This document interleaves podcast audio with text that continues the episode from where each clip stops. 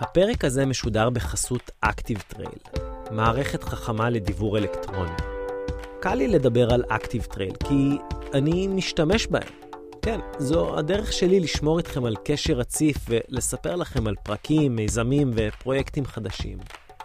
Active Trail תומכים בסיפור ישראלי, ואתם מוזמנים להשתמש במערכת שלהם לכל מיני דברים, כמו שליחת דיוור אלקטרוני ו-SMS, או לבניית אתרים ודפי נחיתה. אז אם יש לכם עסק, או שאתם מנהלי השיווק בחברה שלכם, Active Trail היא בול בשבילכם. תיכנסו ל-activetrail.co.il ותשתמשו בהטבה המיוחדת שארגנו לכם. קוד קופון, איך לא? סיפור. S-I-P-U-R.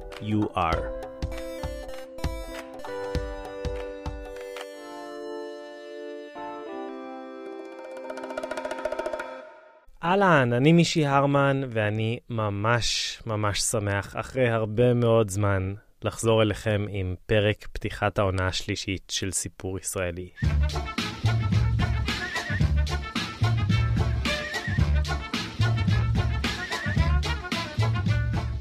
אתם יודעים, אנחנו אנשי רדיו, ואחד הדברים שאנחנו כל כך אוהבים במה שאנחנו עושים, זה שאפשר לקחת את הזמן, להיכנס לאולפן, לעשות טייק, עוד אחד, עוד אחד, עוד אחד, עוד אחד, עוד עשרים, לחזור הביתה, להתחרט על איזה מילה סוררת, לחזור לאולפן, להקליט שוב, לחתוך, לערוך, לשתול, עוד אחד. והנה, לפני כמעט שנה, החברים מעונת התרבות בירושלים, אחד הפסטיבלים הכי מיוחדים שאני מכיר, פנו אלינו וביקשו שנעשה פחות או יותר את הדבר הכי רחוק מכל מה שאנחנו עושים בדרך כלל. הם ביקשו שנעשה מופע לייב, מול קהל. בהתחלה לא ידענו איך נצא מזה, אבל ככל שהתחלנו לעבוד על הערב, שקראנו לו טוב שכן קרוב, ככה נשאבנו לתוך העולם של במות וחזרות, תאורה והגברה, מוזיקאים וקהל, ו... התאהבנו. וכנראה שגם הקהל. אחרי שש הופעות רצופות בירושלים, העלינו את המופע גם בעמק חפר ובתל אביב. והיום, בפרק פתיחת העונה השלישית של סיפור ישראלי, רצינו להביא לכם את מופע הלייב הראשון שלנו בארץ. במקרה שפספסתם.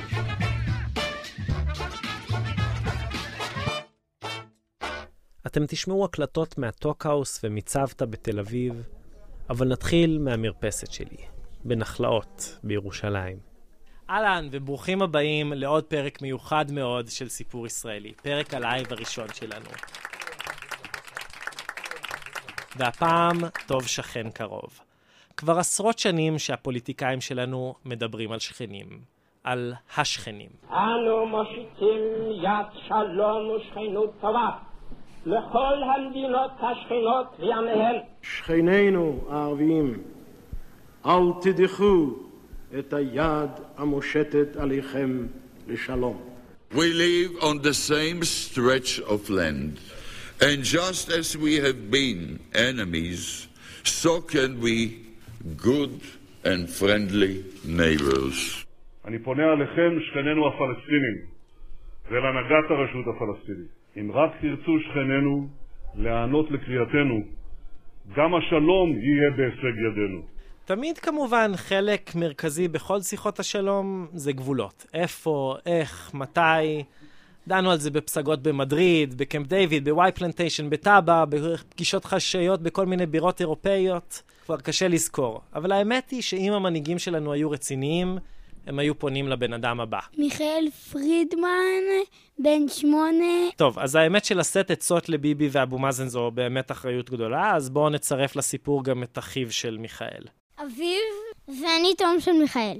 ואני יותר גדול ממנו בדקה. מיכאל מוסיף? בערך דקה.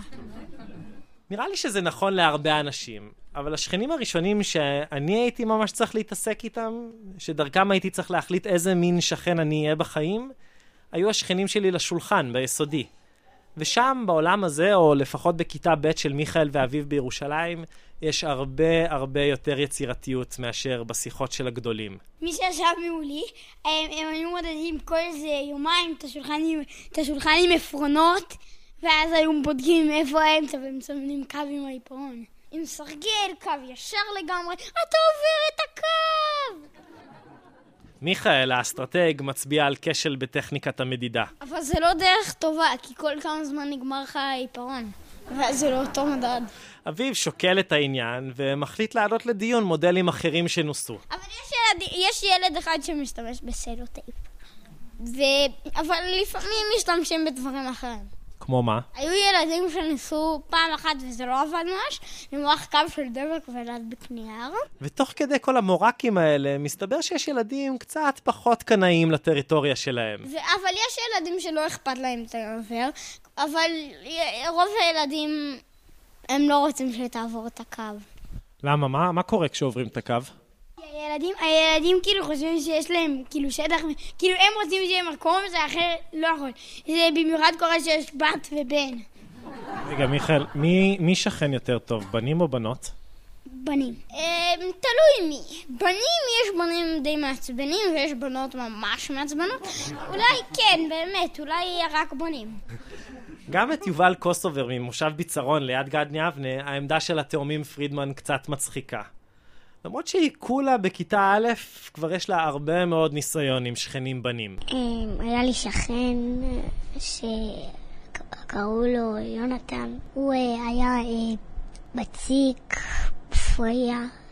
זה נגמר בינינו כי יום אחד הוא התחיל ממש עצבן אותי, לא אכלתי יותר. אמרתי לדקלה, אני עוברת מקום. אה, דקלה לא מעבירה יותר מדי, רק אם רואה שיש בעיה, בעיה רצינית, אז במקרים כאלה היא צריכה להעביר. כנראה שיובל ויונתן נכנסו לקטגוריית הבעיה הרצינית, אז דקלה פעלה. עברתי לשבת ליד יפתח. הוא אה, גם אה, לא התנהג בצורה תרבותית, נכנס עם כל הגוף שלו לפח, בהפסקות. לא היה כיף איתו. הרבה פעמים אמרתי לו שאני רוצה לעבור מקום, כי זה לא היה, לא היה משהו לשבת לידו. דיברנו עם המון ילדים, ומסתבר שיובל ממש לא לבד. קוראים לי דניאל חמשש, ואני לומדת בצפ... בבית ספר רמת חן בכיתה ב' שלוש. ואני עולה לכיתה ג'. כשאני ישבתי בשורה האחרונה, ליד um, מישהו שקוראים לו גל, אנחנו יושבים בין בת ובין בת, כדי שלא נדבר בשיעורים. אה, בנים ובנות לא מדברים אחד עם השנייה? לא, כי אז הם חושבים מחשבות מוזרות. כמו מה? שהם אוהבים, שהם חברים טובים, וזה לא נכון. אז היות וגם אצל הישראלים וגם אצל הפלסטינים יש גם בנים וגם בנות, והפרדה מגדרית זה כנראה לא ממש הפתרון לסכסוך במזרח התיכון, שאלנו את מיכאל ואביב, התאומים, מה הופך שכן טוב לשכן טוב, ושכן רע לשכן רע, סתם למקרה שביבי מקשיב. הנה אביב. שכן רע זה שהוא מדבר הרבה, והוא לא יודע להפסיק. יש כאלה שזה מעצבן כבר, שהם כל שנייה כזה דפקים לך על הכתף כבר. תגיד לי רגע, תקשיב. אבל לפעמים זה כיף לשבת ליד ילדים שקצת עושים בלאגן. לפעמים. תלוי. אוקיי, okay, מערכה ראשונה. בחתונה שלך אני גם ארקוד. אז שכנים לשולחן בבית הספר הם אולי השכנים הראשונים שלנו. אבל האמת היא שלרובנו, או לפחות בשיח הציבורי, שכנים הפך להיות סוג של מילה נרדפת לערבים. מאיה קוסובר מביאה לנו את הסיפור הבא. אני אביבה שטיין ואני הצלפית הראשונה בצה"ל. זאת סבתא שלי. בסוף שנת 47 היא שובצה בעמדות הצליפה מול יפו, מאחורי שקים של חול, וירתה.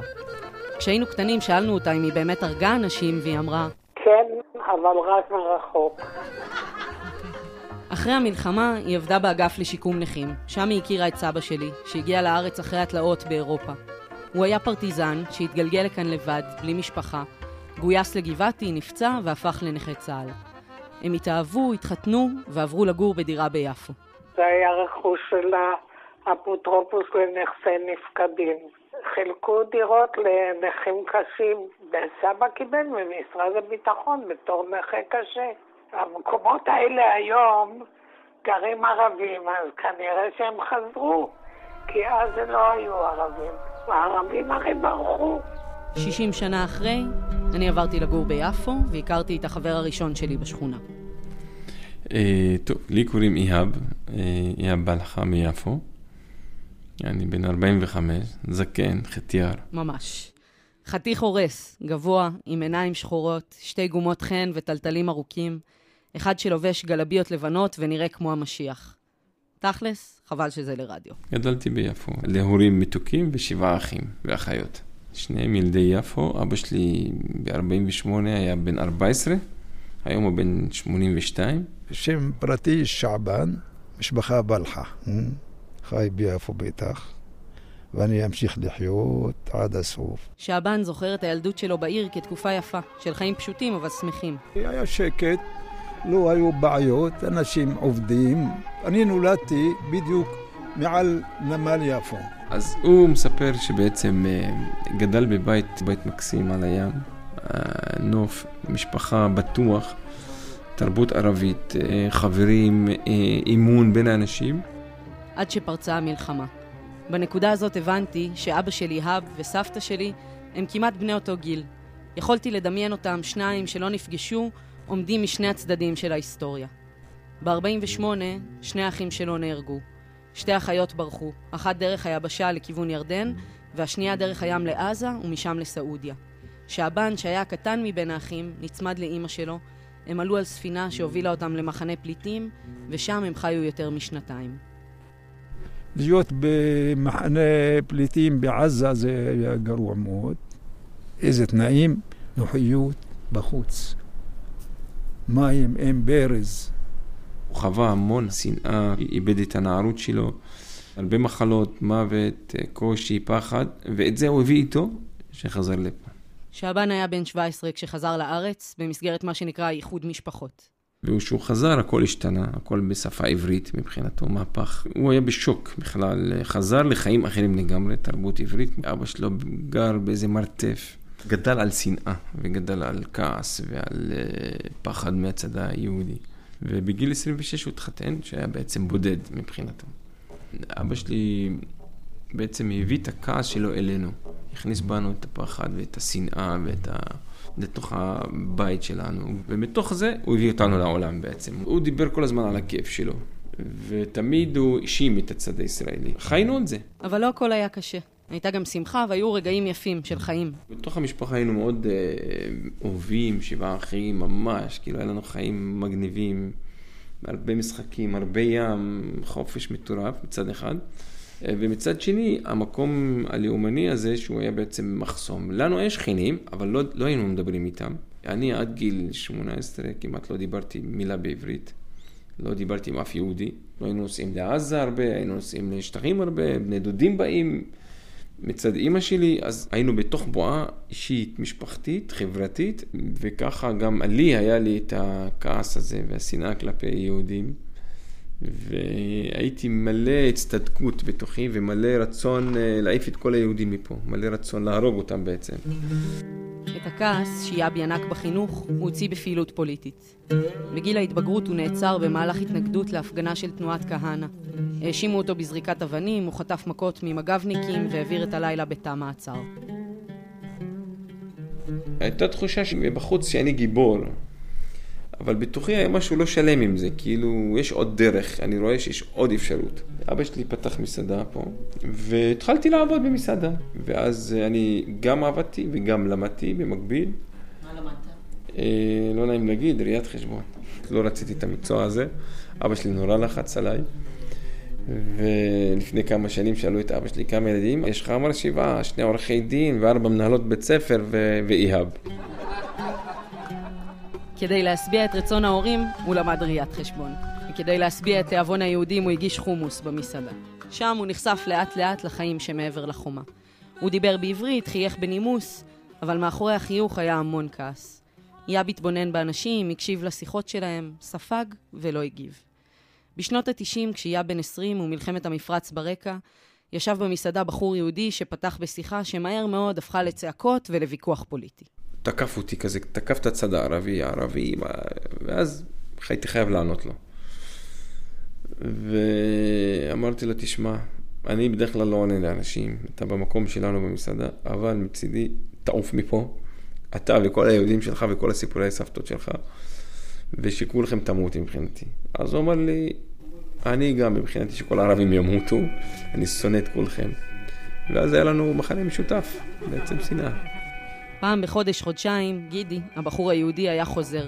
מביא איתו כתחמושת כתבות מעיתונים בעברית, מנסה להוכיח שהצדק איתו. יאב לא נשאר חייו.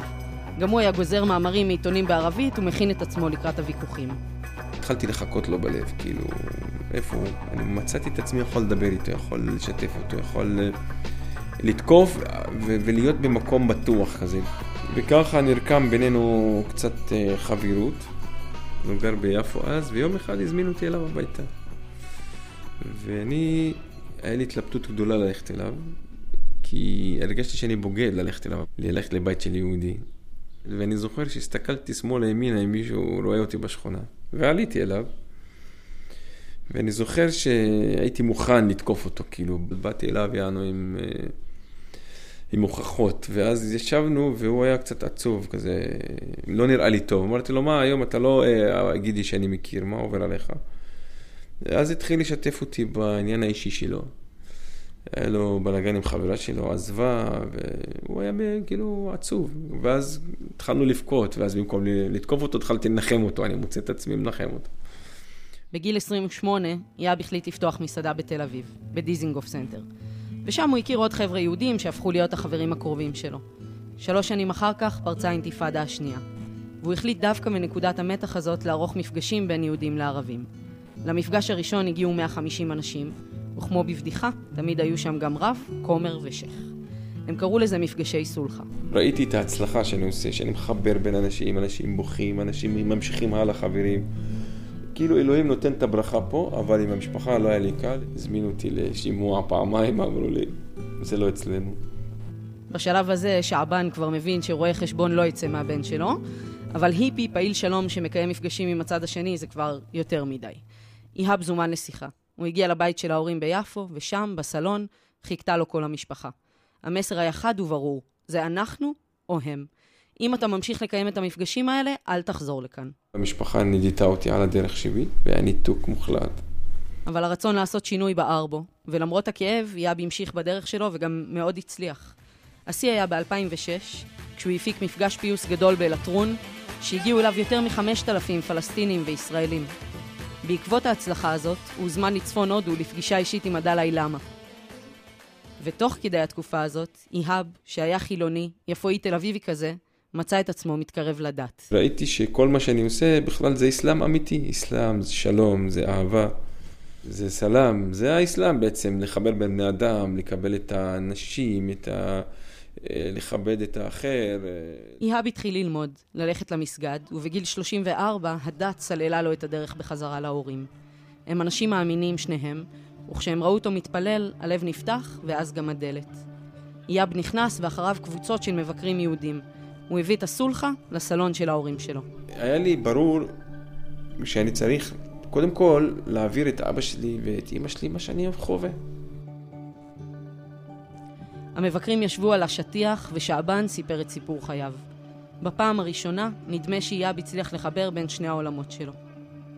בגיל 35 אני זוכר אמא שלי התקשרה אליי ואמרה לי אנחנו רוצים לעשות חאג' ביחד, עלייה לרגל למכה. ווואי, בשבילי זה היה הרגע הכי מרגש. לנסוע עם ההורים שלי חזרה אליהם ונסענו למכה. הלב נפתח, בכיתי המון.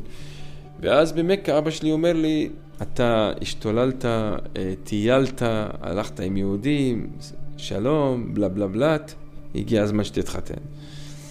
ובעצם אחים ואחיות מעליי היו נשואים כבר, אני היחיד שהייתי רווק, בן 35. ומבחינתנו בתרבות הערבית זה לא מקובל, 35 זה על מדף, יעני חטיאר, זקן. והבטחתי לה במכה, אמרתי לה, תשמע, אני מבטיח לך אינשאללה שנחזור, אין לי אישה, אינשאללה, נמצא את הכלה הנכונה. ואז הוא אמר לי, תשמע, לחתונה שלך, לא רק שאני בא, אני גם ארקוד. שבוע אחרי שחזרו ממכה, הגיע לבית של יאב חבר יהודי ואמר שכל החבר'ה מתכננים לרדת לסיני. יאב ניסה לחפף אותו ואמר שיש לו מלא התחייבויות, אבל החבר לא הניח. וביום שאחרי, הוא מצא את עצמו במסיבת חוף בסיני. חברי להקת שבע מנגנים, האש במדורה בוערת. והייתה בחורה יפהפייה, שרקדה עם צעיף כזה. פשוט התאהבתי, בירח מלא, ולא הפסקתי להסתכל עליה. אורה, זה השם שלה. יהודייה מראש פינה שירדה לסיני עם חברים.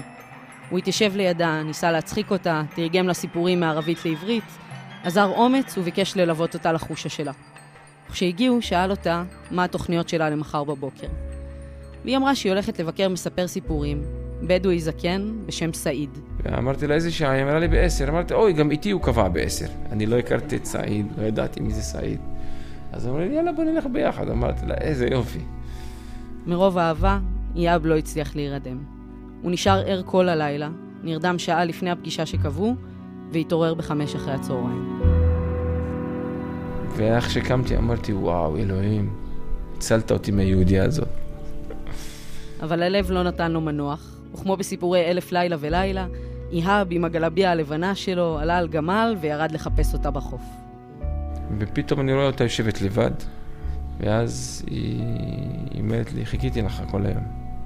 ואז היא אומרת לי עוד משפט, אתה לא תיגע בי עד שנתחתן. הייתי בהלם. זהו. תוך יום התחתנו. אורה ויאב התחתנו לבד. החליפו נדרים בטקס פרטי שלהם. הם היו מסתובבים יחד ביפו, אף אחד לא ידע שהם נשואים. ההורים של יאב פגשו את אורה במסגרת המפגשים שהמשיך לקיים אצלם בבית, אבל הם לא חשדו לרגע. והפער בין הלב לעולם שבחוץ רק הלך וגדל. אחרי חודשיים אמרתי לה, טוב, היום אני קם בבוקר, מתפלל, הולך להגיד לאבא שלי את הבשורות. ובאמת הרסתי כוח, אמרתי לה, אם אני לא חוזר, תביני, בשבילך הלכו חיי, אני מענך. עשו ממני מרביקיו, מנגל. וככה הלכתי לאבא שלי, היינו במטבח, אני זוכר, אמרתי לו, יש לי בשורות טובות בשבילך, הוא ישב מולי. אוי, הוא אומר לי, חיכיתי לזה 35 שנה, התחיל להשתולל והתחיל לצרוח, ככה דפק על השולחן, אמר, חיכיתי לזה מלא זמן. ואז אימא שלי באה, ובני דודים, ואחים התחילו להתאסף, אמר לי, מה? אמרתי לו, יש בעיה קטנה. הוא אומר לי, איזה בעיה קטנה? אז פתאום הוא קולט, אומר לי, גרושה? אמרתי לו, לא, לא, אצלנו בתרבות גרושה זה אסון. הוא אומר לי, מה, יש לה ילדים? אמרתי לו, לא, לא, לא. הוא אומר לי, אז מה הבעיה? אמרתי לו, יהודיה. הוא אומר לי, יהודיה, נען אבוק, ארסה בן אל-כלב, התחיל להעיף עליי דברים, מדינת סכין, איפה אני אהרוג אותך? בום, התחיל להעיף דברים. הצלחתי לברוח. וככה עוד פעם אחותי התקשרה, אמרה לי, אל תבוא, נגמר. יותר, יותר אל תתקרב אלינו. ועוד פעם נידוי. שלושה חודשים עברו מאז הנידוי, בוקר, איהאב היה לבד בבית, ופתאום דפיקה בדלת. בצד השני עמדו שני זוגות, הם הגיעו לארץ מהולנד, סיפרו שהם בני הדודים של אבא שלו, ושאלו אם הוא יכול לקחת אותם לפגוש את שאר המשפחה. אמרתי לו, בוא, באת בזמן, להציל אותי. אני, אני אקח אותך להורים, בטח לא, הם לא יגרשו אותי, אני בא עם אורחים, זה לא מקובל לגרש אותי. איאב ניצל את ההזדמנות, ובחסות האורחים התייצב עם אורה אשתו בבית של הוריו. ואז ישבנו, ומישהי קלטה את האנרגיה ביני לבין אשתי. בעלה אומר לי, תגיד, למה אתה לא נשוי עד עכשיו? מה, מה עובר עליך? אבא שלי אומר לו, תשמע, הוא רוצה להרוג אותי, הוא רוצה להתחתן עם יהודייה, אני אהרוג אותו ואותה לפני שהתחתנו, ואנחנו יושבים, וגם אשתי יושבת שם. ואז הוא אומר, אני לא אתן להם, הוא משוגע, הוא חושב, הוא זה, טייש, בערבית מהבול כזה. האישה אומרת לו, אתה יודע אם הוא רוצה להתחתן? הוא אומר לה, לא. היא אומרת לו, הנה הבחורה יושבת מולך, הנה, זאת, תצביע עליה. ואז הוא הסתובב אליהם על לאט, לא מספיק לקחתם לנו את האדמות, את רוצה לקחת את הבן שלי, אתם היהודים, לא נשאר מקום שלא לוקחים ממני, התחיל לצרוח, להשתולל, לצעוק. והיא ברכות שלה עונה לו, אבל אני אוהבת אותו. והוא אומר לו, אוהבת אותו? מעניין אותי שאת אוהבת אותו. מה זה אהבה? אתם יודעים לאהוב בכלל? צועק. ואז הוא אומר לה, הוא מוסלמי, הוא סוגד לאלוהים. אתם היהודים צוחקים עלינו כמוסלמים, שאנחנו סוגדים לאלוהים. אז היא אומרת לו, זה בדיוק מה שאני אוהבת בו. ואז הוא התחיל להשתולל, ואימא שלי קלטה, התחילה לבכות. קלטה שאני לא צוחק.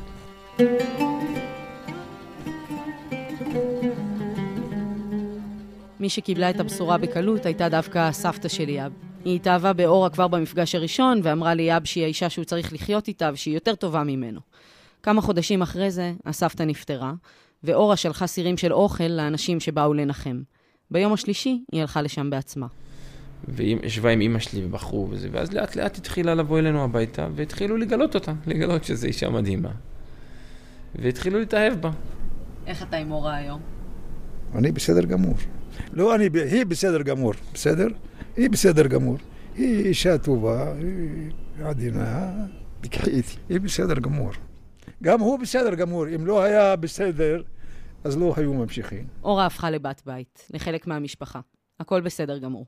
בסדר גמור. והיום uh, יש לנו שלושה ילדים, נור בן שבע, נור אללה, ואניס אללה בן uh, חמש, וחביב אללה בן uh, שמונה חודשים. תודה לאלוהים. וזהו, אנחנו סביבה רק בנים. ארבעה ילדים סביבה מסכנה. הערבים השתלטו על היהודייה הזאת. ואבא של יאב, הוא הולך איתם, בדרך שלהם. מבחינתי הוא הגיבור, הוא עשה שינוי גדול, ואמר יאללה, מברך אתכם, הוא ואימא שלי. בחצר של שעבן, יאב ואורה הקימו גן ילדים דו-לאומי ודו-לשוני בשם בוסתן בני אברהם. שעבן צוחק ואומר שהוא הפך להיות הפועל שלהם שם. בלי משכורת. כל בוקר הוא יורד להאכיל את החיות שבפינת החי, להשקות את העצים ולזרוע צמחים חדשים. זה לא אומר שהוא אופטימי לגבי העתיד.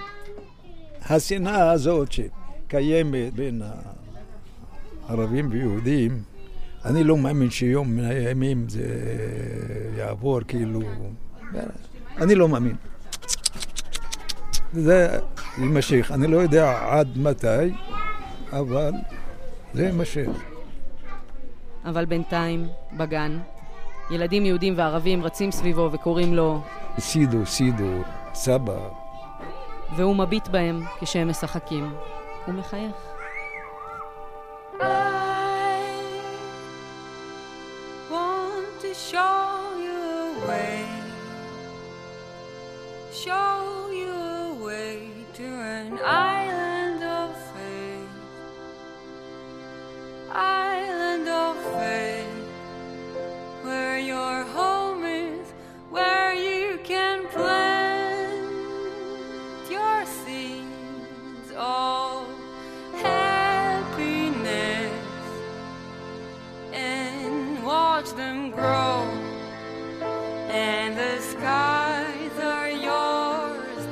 אז הערב הזה הוא באמת על שכנים. ויש כמובן שכנים כמו שכולנו חושבים עליהם. האנשים האלה שגרים לידינו. ויש גם שכנים מכל מיני סוגים אחרים. שכנים פוליטיים, שכנים באוטובוס, בתור בקופת חולים. ויש לנו חבר אחד שאנחנו עובדים איתו הרבה בתוכנית שלנו, שיש לו שכנים אחרים לגמרי. היי, מה נשמע? מה קורה? שכנים למדף. כשהספר הראשון של אדגר קרת, צינורות, יצא ב-1992, הוא עוד לא היה אדגר קרת. הוא סתם היה איזה תל אביבי בן 25 שכותב סיפורים קצרים וקצת הזויים. הוא לא היה ספר כל כך מצליח, אז לא יכולת למצוא אותו בכל חנות ספרים. ככה שמה שאדגר היה עושה זה מסתובב בעיר, נכנס לכל מיני חנויות ספרים ובודק אם יש להם את הספר שלו. אבל מה, קצת פדיחה לחפש את הספר של עצמך. כך שאדגר פיתח את נוהל שכן המקורי. כשהמוכר או מוכרת היו ניגשים לשאול אם הוא צריך עזרה, בלי להתבלבל יותר מדי, הוא היה שולף שם של שכן למדף. בדרך כלל זה היה יהושע קנז. נניח אני קרת, אז הוא גם בקוף איכשהו ככה מסתדר. היו מפנים אותו למדף הקופים, וככה, על הדרך, כמו שהוא אומר, הוא היה מציץ לראות אם גם הספר שלו שמה. סך הכל השטיק הזה עבד לא רע. עד שיום אחד בחנות ספרים ברחוב באזל בתל אביב, הוא פגש במקרה חבר, והחבר שאל אותו... אה, נו נו, ובדקת עם הספר שלך בחנות? אז אמרתי לו, לא, דווקא הפעם לא בדקתי, אבל אני הרבה פעמים בודק. אדגר סיפר לו על שיטת השכנים וקנז. ועמדנו ככה שאני הייתי עם הגב ל- לרחוב, והבן שדיברתי איתו היה עם פנים לרחוב, ואז אומר, אמרתי לו יהושע קנז, ואז הוא מסתכל עליי, והוא כאילו מסתכל אבל מבט כזה קצת לא מפוקס, אני לא מבין מה הוא רוצה. הוא מתחיל לצעוק, יהושע, יהושע, יהושע. וזה היה קצת מלחיץ, כי זה נשמע כאילו שהוא משתגע. בדיוק אז נפתחה הדלת של החנות. אדגר הסתובב וראה שנכנס בן אדם שהוא לא הכיר. עכשיו, יהושע קראתי פחות או יותר את כל הספרים שלו, אבל, אבל לא פגשתי אותו אף פעם, והוא גם בן אדם שהוא לא מתראיין, אז לא ידעתי איך הוא נראה. החבר של אדגר סימן לו לבוא, הפגיש ביניהם ואמר, הנה, תכיר, זה יהושע קנז. ככה ממש לפי הזמנה. והוא אומר, "אה, יהושע זה אתגר, אתגר קרת הוא גם ספר, והוא מספר שתמיד כשהוא בא והוא מחפש ספרים והוא לא יודע ולא נעים לו, אז הוא שואל איפה יש ספרים של יהושע קנז. עכשיו, זו לא הדרך הכי נעימה שיכיר אותך סופר, במיוחד אם זה סופר שאתה מעריך, כי אתה בעצם כאילו אתה בא, אתה באמת אומר, אתה לא מדבר על, האיכות הספרותית שלו, אתה רק מדבר איך כאילו, איך אתה ממנף את זה שהשם משפחה שלו קרוב לשם משפחה שלך, כדי לדלות אינפורמציה לגבי ה... אתה יודע, הנוכחות שלך בחנות ספרים מסוימת. ויהושע קצת הסתכל עליי, והוא חייך ככה חיוך עדין, והוא אומר, אני תמיד אה, שונה מספרים של קניוק. כשחשבנו על כל מיני זוויות שונות של המושג הזה של שכנים, מאוד רצינו להביא גם סיפור אחד על מישהו שאין לו שכנים, בכלל. אז שי סטרן הלך להביא סיפור מהמקום שאין בודד ממנו. מערכה שנייה, בדד אשב.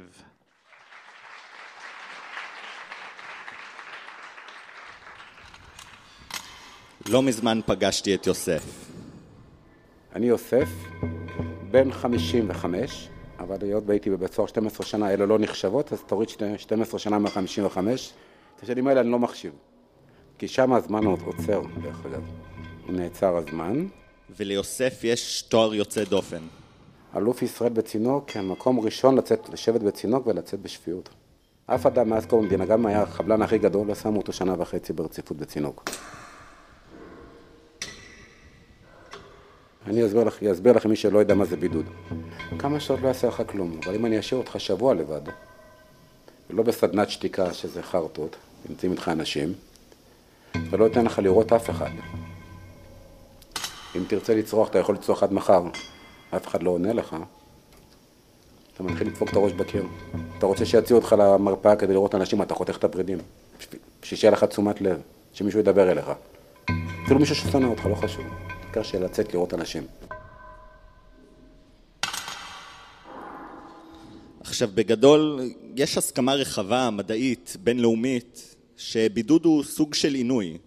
עכשיו, אם זה נשמע לכם מוזר, אני מציע שתחשבו על הניסוי הבא. This is a six foot square room. Now, in this experiment, this is the apparatus we use. בשנות החמישים, אחד, הארי הרלו, התחיל לעשות ניסויים בקופים. 106. באחד הניסויים הוא שם ארבעה קופים בתנאי בידוד וחסך חושי למשך שנה. כבר אחרי חודש הם עברו שינוי מרחיק לכת. הוא תיאר אותם כמעורערים לחלוטין. בסוף השנה בבידוד הוא החזיר אותם לחיות בחברה. You see the contrast in the behavior? Notice how cautiously he enters the room. He's searching for comfort, but nothing relieves his disturbance. הם כמעט ולא זזו, הם כבר לא שיחקו. שניים מהם סירבו לאכול ומתו מרעב. אהרון ברק פעם אמר שטיבה של חברה נמדד בטיב בתי הסוהר שלה, ואופייה של חברה נבחן באופן שבו היא מתייחסת לאסיריה. עכשיו רוב הזמן כשיש נושא שאני מעדיף לא לחשוב עליו, אז דווקא אחרי שאני חופר בו קצת, אני מרגיש שזה הקלה מסוימת. יש משהו בחור השחור הזה שהדמיון שלנו מייצר שהוא פשוט יותר גרוע מכל מציאות. זה רוב הזמן. הפעם לא. הפעם המציאות לוקחת. אני ראיתי את הקבר החי שבו הוא הוחזק. זו עורכת הדין רחלה הראל.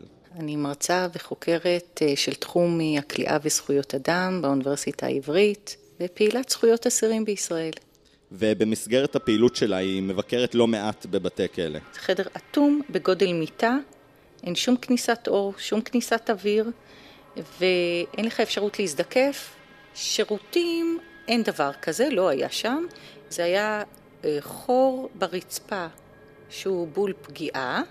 מעליו, זה, אין טוש באמת כדי שאנשים לא יתאבדו, אז פשוט מים שזורמים מהקיר. ובכל פעם שבעצם אתה מתקלח, אני לא רוצה לומר לך מה קורה בעצם לחור, הבול כליאה שמתחתיו. אין הבחנה או הפרדה בין השירותים והמקלחת לחדר עצמו. המיטה התרטבה, אה, קירות החדרים פשוט אה, מטונפים בצואה אנושית, בסירחון עז. קירות חשוכים ואפלים, במקום מטונפים, עם כל מיני סימני ייאוש של אנשים.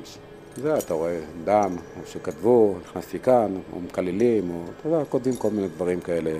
תמיד היה קללות נגד האלה. אלה, הסוהרים למיניהם, וכל ה...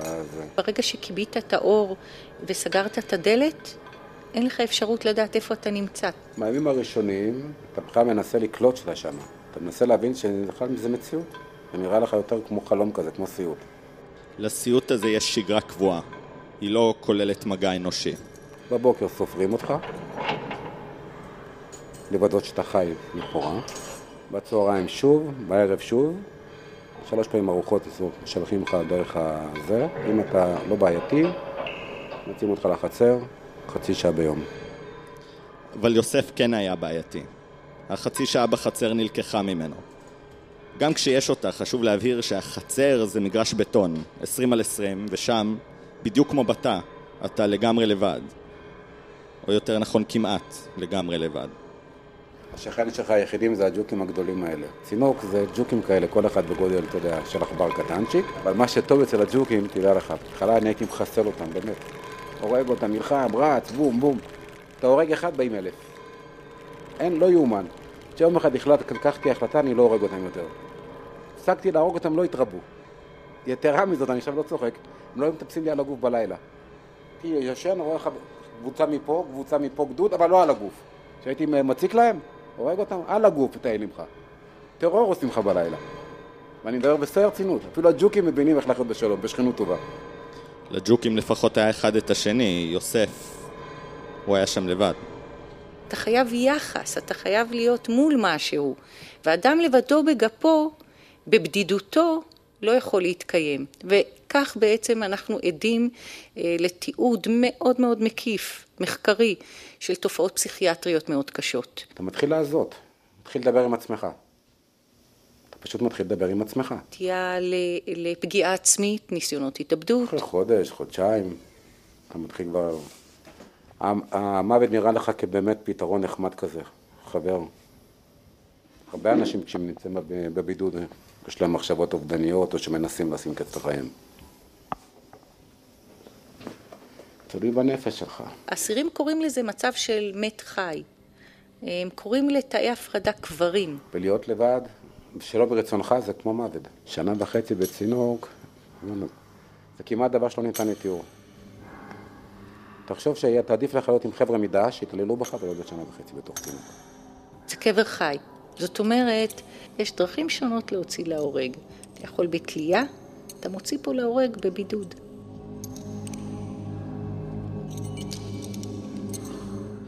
כשדיברנו עם הדוברת של השב"ס, שירות בתי הסוהר, הדבר הראשון שהיא רצתה זה לוודא שאנחנו מבינים את ההבדל בין בידוד להפרדה. הדוברת הסבירה שבידוד זה עונש, ובגלל שזה עונש ממש קשה הוא מוגבל ל-14 יום. אז איך יוסף היה שנה וחצי בתנאים כאלה? כי הוא לא היה בבידוד, הוא היה בהפרדה. אסיר נכלא בתנאי הפרדה אם הוא מסוכן ומפחדים שהוא יפגע במישהו או אם מרגישים שיש סיכוי שמישהו יפגע בו. בהפרדה אפשר להיות שנים. עכשיו בעיקרון התנאים בהפרדה אמורים להיות משמעותית טובים יותר מאשר בידוד, נגיד יש ספרים וטלוויזיה, אבל התנאים הספציפיים זה כבר לשיקול בית הסוהר, ואז, כמו ששמעתם לפחות במקרה של יוסף, ההבדלים בין תנאי בידוד להפרדה מטשטשים לגמרי. הפטנט הישראלי איך להתגבר על נורמות בינלאומיות שהתחייבת אליהן. זאת אומרת, זו אותה גברת, רק הם אומרים שזה לא עונש, זה פרקטיקת כליאה. והאמת שאפשר להבין את ההיגיון שבהפרדה. יש אסירים שצריכים לשמור עליהם ואסירים שצריכים להישמר מפניהם. אבל את כל השמות השונים האלה שנותנים למשהו שהוא מהותית בידוד, זה פחות. היינו שמחים להציג פה טיעון או הסבר טוב לאיך קרה שיוסף היה בצינוק שנה וחצי. שירות בתי הסוהר בחר שלא להגיב לעניין, זאת התגובה שכן קיבלנו. שירות בתי הסוהר עושה ככל הניתן בכלים המצויים בידו לשלב אסירים באגפי בתי הסוהר על מנת לנצל את זמן המאסר לשיקום ולהחזרתם לחברה כאזרחים מועילים וחיוביים. לצערנו, לא ניתן לעשות כך בכל המקרים, ועל כן אנו רואים בצעדי ההפרדה הכרח בל יגונה. הם ננקטים כאמצעי אחרון לאחר בחינה יסודית ובמידה שאינה עולה על הנדרש. ממש עכשיו יש בארץ מאות אסירים בתנאי בידוד. אני לא יכול להגיד לכם בדיוק כמה. שירות בתי הסוהר מתייחס בספירה שלו רק לאותם אסירים שמצויים רשמית בתנאים של בידוד. לזכות השב"ס כן ייאמר שהם לא טוענים שלשים אדם בתנאי בידוד או הפרדה זה פתרון טוב. הם אפילו מסכימים שזה רע, אבל מבחינתם זה רע הכרחי. אז אני לא מקבלת את האמירה הזו, אני גם אה, רואה בה לכשעצמה אה, כשל מקצועי, לא פחות מכך. אחד התפקידים הבסיסיים של מערכת כליאה זה סיווג ומיון וקלסיפיקציה בהתאם לשונות רלוונטית.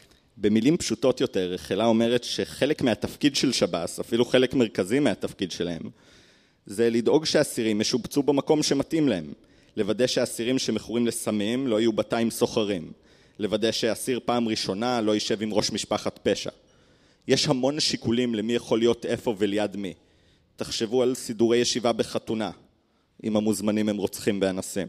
וכאשר אתה אומר, אני שולח ל solitary confinement, להפרדה זה אומר, נכשלתי. אחרי שנה וחצי, יוסף, חובש כיפה ושומר מצוות, יצא מהבידוד וחזר לאוכלוסייה הכללית בכלא, לתוך תא שחלק עם שבעה שייחים. חייתי בחדר ש... עם חדר עם שבעה שייחים מוסלמים, שהחזיקו את כל הבית סוהר, כוונה את כל הבית סוהר המוסלמי. ואתה חי איתם בכבוד. אני הייתי צם את הרמדאן שלהם, חייתי מעל שנה ומשהו, והם היו צמים את הכיפורים. לא מחללים שבת, שתקלוט. שבע שייחים, שבת שומרים ולא, ולא מצמים ביום כיפור. בגלל שאני כיבדתי אותם וצמתי את הרמדאן איתם. אתה קולט? זה נקרא שכנות טובה. בחוץ כולם רוצים לאכול את כולם, שמה אתה לא רוצה לאכול את כולם, אתה רוצה להיות שלום עם מי שנמצא איתך. ואין לך הרבה אפשרויות. אמרתי ליוסף שזה כמעט נשמע כאילו שבכלא יש שכנים יותר טובים מבחוץ. ברור. ברור. זה ברור. בחוץ יש לך אפשרות, לא, לא לגור בדיזנגוף, תגור במקום אחר. פה אתה בתא עם בן אדם, או שאתה מסתדר איתו, או שאתה הורג אחד את השני. כורח המציאות אתה מתחבר, תרצה או לא תרצה. זה, אם, או, אם אתה לא מתחבר, אז או שאתה פוגע פוגעים בך, אין פה הרבה אפשרויות.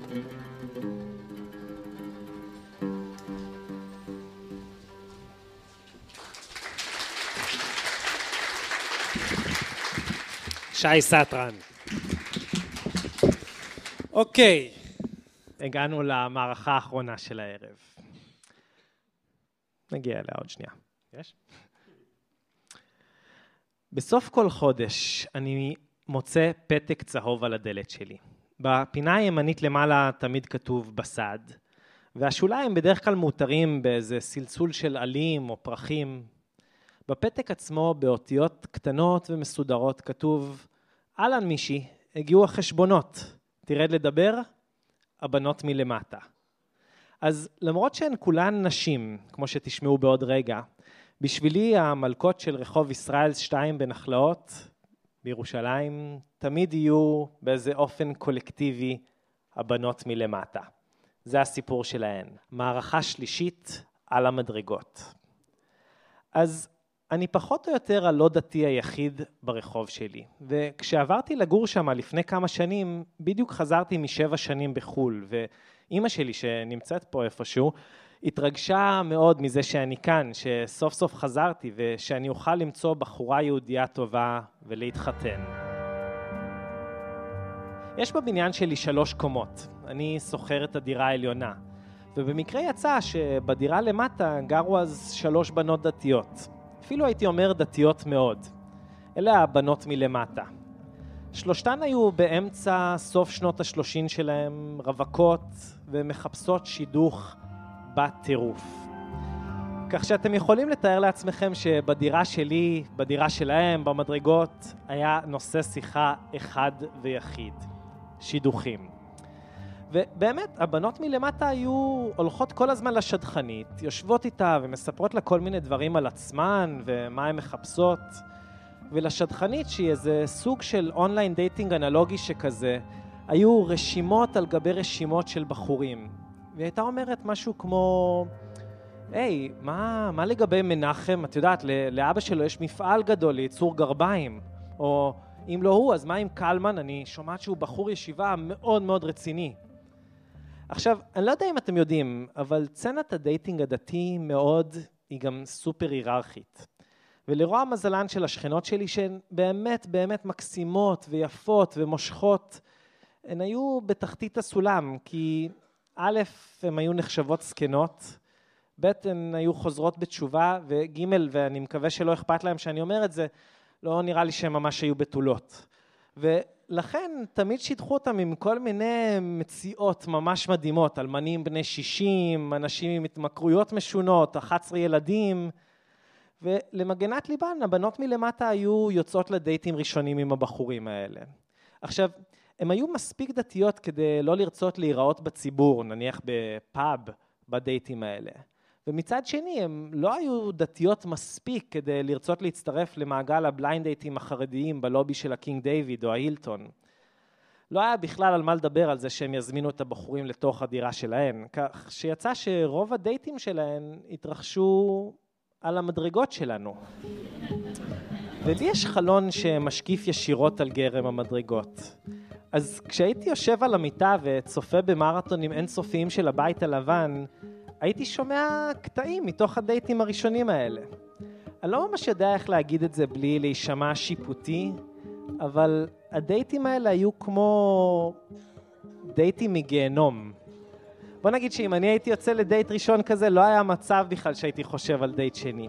לא היה בדייטים האלה שום talk, שום צ'יט צ'אט, בכלל. הם פשוט היו יושבים, כל אחד על מפלס אחר, ומגיעים ישר לתכלס. אוקיי, אז איך המטבח הולך להיראות? ואיזה כשרות נשמור? בד"ץ העדה החרדית או סתם גלת כושר למהדרין? ובינתיים אצלי על המחשב ג'ד בארטלט דופק על הפודיום תוך כדי זה שהוא נותן נאומים ליברליים רהוטים. Discipline, depth in our classrooms. There aren't enough teachers in our classrooms. There isn't nearly enough, not nearly enough, not nearly enough money in our classrooms, and we can do something about that. ואז אני שומע מבחוץ, אז את מתכוונת לגלח את השיער ולשים פאה או ללכת עם כיסוי ראש רגיל? בדרך כלל בבוקר למחרת הייתי נתקל באחת הבנות במדרגות והיינו עושים לדייט סוג של ניתוח שלאחר המוות. ובדיוק כמו שאני הבנתי שהדייטים האלה היו גרועים, ככה גם הבנות, וכלום לא יצא מהם.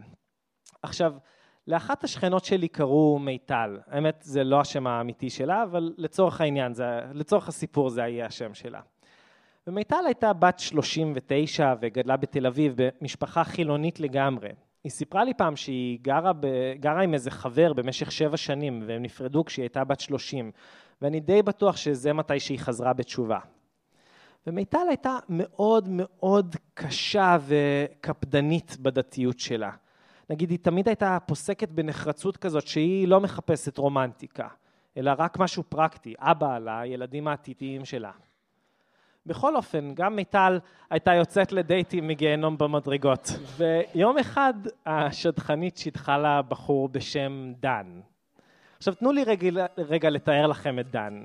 תדמיינו לכם לוחם טליבן יהודי עם זקן עד הפופיק, פאות ממש ממש ארוכות וכפות ידיים עבות כאלה של חקלאי.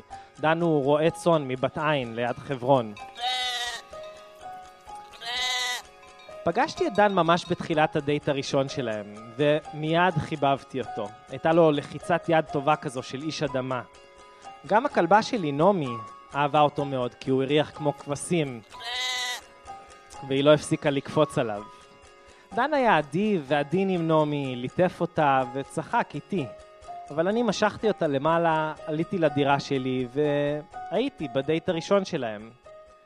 והדייט שלהם, כמו רוב הדייטים הראשונים האחרים, היה די מזעזע, תקוע, לא זורם, הרבה שתיקות ארוכות ומביכות. אבל משום מה, מיטל החליטה להמשיך להיפגש עם דן. והם יצאו לעוד איזה חמישה או שישה דייטים. נראה לי שאני הייתי במשהו כמו שלושה או ארבעה מהם. ובוא נגיד שהדייטים לא ממש הלכו והשתפרו. הם פשוט נכנסו לפרטים היותר ויותר קטנים של איך הבית צריך להיראות ואיך הם ינהלו אותו. כמה שבועות אחר כך פגשתי את מיטל במדרגות, והיא אמרה לי, מישהי, אתה יודע, יצאתי כבר עם דן איזה שש פעמים, ואני ממש כבר צריכה להחליט אם אני רוצה להתחתן איתו. טוב, זה היה נראה לי די מטורף. אמרתי לה, מיטל, למה שלא, לא יודע, נניח תשכבי איתו אולי לפני כן. כמובן שמיטל לא ממש העריכה את ההצעה שלי, ובמקום לקחת לתשומת ליבה את מה שאני חשבתי שהייתה עצה די נורמלית סך הכל, היא החליטה שבמקום זה היא הולכת לנסוע לאומן שבאוקראינה, כדי להשתטח על הקבר של רבי נחמן, ואולי לקבל איזה הערה או הנחיה לגבי הדילמה שלה עם דן. בוא נגיד שזה לא היה נראית לי הדרך הכי הכי טובה לקבל החלטה כזאת, אבל מיטל הייתה משוכנעת, והיא עלתה אליי לדירה והודיעה לי שהיא הולכת להתפלל גם בשבילי, כדי שגם אני אמצא בחורה נחמדה וכשרה. והיא טסה לה לאוקראינה. הייתה שם איזה שבוע, התפללה, התפללה, התפללה, יום אחרי יום בציון, בקבר של רבי נחמן, ובסוף היא הגיעה להחלטה. היא חזרה לישראל, צלצלה לדן ואמרה לו שהם נפרדים. אז אוקיי, אני די התאכזבתי. גם אני וגם נעמי, כנראה מסיבות שונות, ממש חיבבנו את דן, אבל עכשיו הוא היה מחוץ לתמונה. בשבועות שלאחר מכן מיטל המשיכה לצאת לעוד ועוד דייטים ראשונים נוראים במדרגות וכלום לא קרה. ואז היא עמדה להפוך להיות בת 40 והיא נכנסה לאיזה סטרס עצום מהיום הולדת ומזה שהיא עדיין רווקה. אז בעוד אחד מהרעיונות הפנטסטיים שלה, היא הלכה לראות רב שהמומחיות שלו זה התאמת שמות. אז נניח אתה אומר לו אורן ויעל, והוא אומר, אה, ah, כן, זה, זה זיווג מעולה. או אם אתה אומר לו נניח אה, אבי ורותם, הוא יבטיח שזה לא יחזיק מעמד אפילו יומיים. קיצור, היא הלכה לבקר את הרב הזה, וזה נשמע קצת כמו בדיחה, אבל היא אומרת לו, רבי, רבי, למה, למה אני לא מצליחה למצוא חתן? והרב מסתכל עליה, קולט שהיא באמת אישה מאוד מאוד יפה, ושואל אותה, תגידי, יצאת עם מישהו בזמן האחרון? והיא ככה ממלמלת, כן, לפני כמה חודשים, יצאתי עם איזה רועה צאן אחד, דן. והוא אומר לה, דן? והיא עונה, כן, דן. ואז הרב מסתכל ישר לתוך העיניים שלה ואומר לה, דן ומיטל זו ההתאמה הכי טובה שאני יכול לדמיין. והיא אומרת לו, לא, לא, כבוד הרב, אל תגיד לי את זה. אבל הוא בשלו, והוא אומר, אני אומר לך, דן ומיטל זה, זה זיווג משמיים. אז במקום פשוט להסיק שהאיש הזה הוא שרלטן מוחלט, ולצאת בסערה מהמשרד שלו, מיטל הכניסה יד לתיק שלה, הוציאה משם את הפלאפון, והתקשרה לדן. אמרה לו להגיע לשם מהר. דן בטח היה קצת מבולבל, בכל זאת הוא לא שמע ממנה כבר די הרבה זמן, אבל כנראה שהוא הבין שמשהו טוב קורה פה. אז הוא נטש את הכבשים, הגיע למשרד של הרב.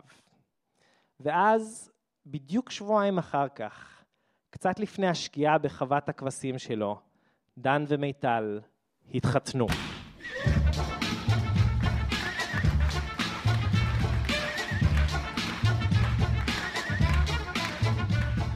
וזהו, זה הפרק שלנו. כתוב לי פה בסוגריים מרובעות הנחת רווחה, אז הנחת רווחה. זה היה חלק ממופע הלייב הראשון שלנו. האמת, היו בו עוד חלקים שלא השמענו פה.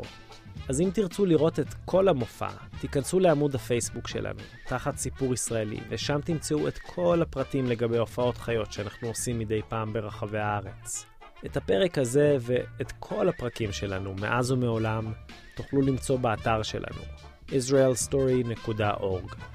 צוות התוכנית הגדל שלנו כולל את יוחאי מיטל, מאיה קוסובר, שי סטרן, רועי גילרון, שושי שמולוביץ, רייצ'ל פישר, אמיר פקטור, איתי היימן וקייטי פולברמן. על הפרק של היום ומופע הלייב, תודה ענקית לכל האנשים מעונת התרבות בירושלים. לדפנה קרון, לליה לרר, נעמי פורטיס, איתי מאונטנר, הילה אילן, יוסף משיח, חינועם בר, וכמובן, כמובן לגיא שרף, המוזיקאי שכתב והלחין את המוזיקה וניגן בלייב. וגם תודה לרדיו הבינתחומי בהרצליה על הנדיבות והעזרה. הפרק שלנו היום הוא בחסות החברים שלנו מאקטיב טרייל, מערכת חכמה לדיוור אלקטרוני. בסוף המופע האחרון שלנו בירושלים, אירחתי את כל משתתפי הפסטיבל על המרפסת למסיבת סיום קטנה. היו מלא מופעים שווים, לא רק שלנו. ובאיזשהו שלב שתינו כנראה מספיק בירות, והחיות לוז המדהימות עלו להופעה ספונטנית. אנחנו, כרגיל, היינו מוכנים עם המיקרופון. אולי אה, תרצו אה, להצטרף אלינו באצבע צרידה. אז אולי תרצו להצטרף אלינו באצבע צרידה. אני מישי הרמן, וממני ומכל הצוות, שלום שלום.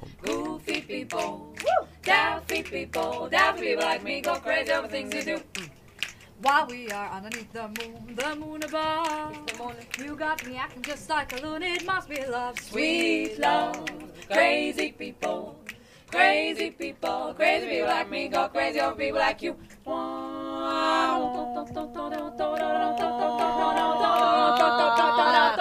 Crazy people like people like you.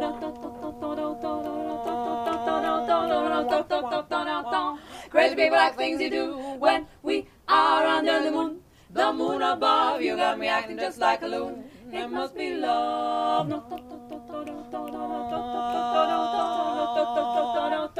Crazy people like people like you, cause lovebirds of a feather always flock together.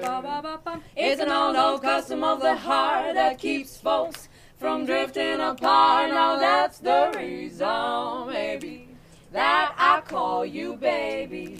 We're each other's counterpart. Crazy people, crazy people, crazy people, crazy people, crazy people like me go crazy over people like you. Wow. Goofy people, goofy people, daffy people, daffy people, daffy people like me go crazy over things you do. Wow, I don't mind it for a lot. Sweet angel child, it just that I've got. You drive me wild. Crazy people, crazy people, crazy people, crazy people, crazy people like me go crazy over people like you. Wow. Oh.